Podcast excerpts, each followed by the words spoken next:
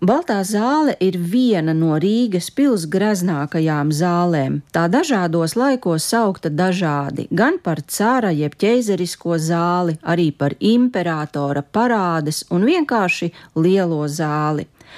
Līdz ar dišciltīgā itāļa marķīza Filipa Paulučī stāšanos Baltijas ģenerālgubernatora amatā 1812. gadā gan remonti, gan būdarbi Rīgas pilī ieguva vērienu, krāsoja pils ārsienas, izbūvēja jaunas dzīvojamās un viesību telpas, tomēr lielākais Paulučī laika veikums ir cara jeb ķeizerisko telpu izbūve. Gadu pēc kronēšanas 1000 1802. gadā cars Aleksandrs I ieradās Rīgā un divas naktis pavadīja stipri nolaistā Rīgas pilī. Iespējams, ka tas bija viens no apstākļiem, kādēļ cars atbalstīja ierosmi par tādu telpu izbūvi, kur valdnieks vai viņa ģimenes locekļi varētu apmesties.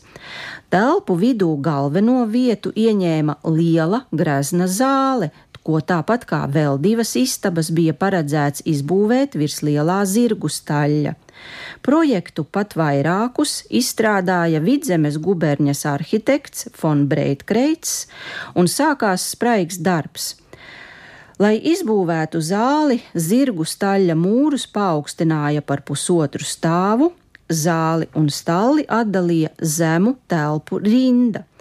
Sākotnēji zālē bija velvju veida griesti ar rozetēm, abos galos atradās balkoni, viens bija paredzēts muzikantiem, otrs bez praktiskas nozīmes, izbūvēts tikai simetrijas dēļ.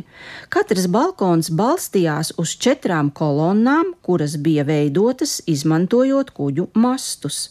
Zālē ielika parketa grīdu, to apsildīja četras lielas neglazētu podiņu krāsnes ar misiņa durvīm durvīm.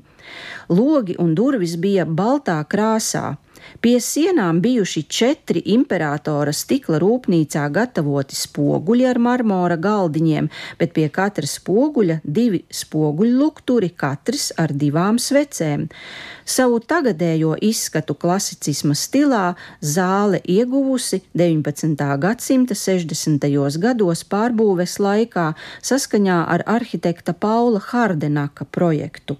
Zāles vēlveidīgos griestus pārveidoja par plakaniem, sienas tika paaugstinātas, saglabāja balkonus, kā arī atstāja kolonnas zem balkoniem. Zem katra balkona papildus vēl ielika divas jaunas tēstu baļķu kolonnas, kuras pēdējā brīdī nokrāsoja ar baltu krāsu. Ielika jaunu no Vācijas atvestu parketu, palodzes veidoja no īstā marmora. Tomēr visas projektā paredzētās ieceres īstenotas netika, jo daudz ko 1862. gadā, gaidot cara vizīti, paveica, kā toreiz rakstīja, provizoriski, steigā. Mākslīgā marmora apdari aizvietoja ar koka dēļiem, sienas nenoslīpēja, bet tikai nobalsināja. Līdz 1917. gadam to sauca par cara jeb ķeizerisko zāli. Mūsdienās lietoto nosaukumu Baltā zāle telpa ieguva gaišā noformējuma dēļ, un tas lietots jau starpkaru periodā. Zāles kolonnu apdarē izmantots mākslīgais marmors un zeltījums. Telpu apgaismo 11 greznas lustras, no kurām septiņas rekonstruētas oriģinālās un papildu izgatavotas četras jaunas. Zāles izsmalcinātais dekoratīvo detaļu ansamblis ir īsts restaurātoru meistardarbs.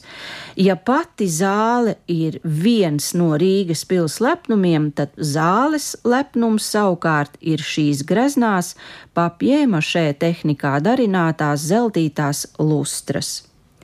Baltās zāles interjers būtiski cieta postošajā ugunsgrēkā 2013. gadā, kad pilnībā izdega zāles griesti un virs zāles bija redzamas debesis. Par laimi greznās lustras un vēsturiskās mēbeles bija jau aizvestas no pils uz restaurācijas darbnīcām. Pēc ugunsgrēka restaurātori savāca dažādas vēlāk Baltās zāles atjaunošanai noderīgas detaļas.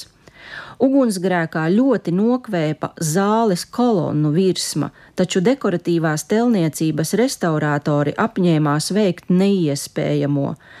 Ļoti neatlaidīgi meklējot, viņi atrada tehnoloģijas, kā sodrējus un netīrumus no kolonnām attīrīt. Un tikai restaurējot kolonnas, atklāja, ka tās sākotnēji iecerētas no mākslīgās marmora masas, kas 19.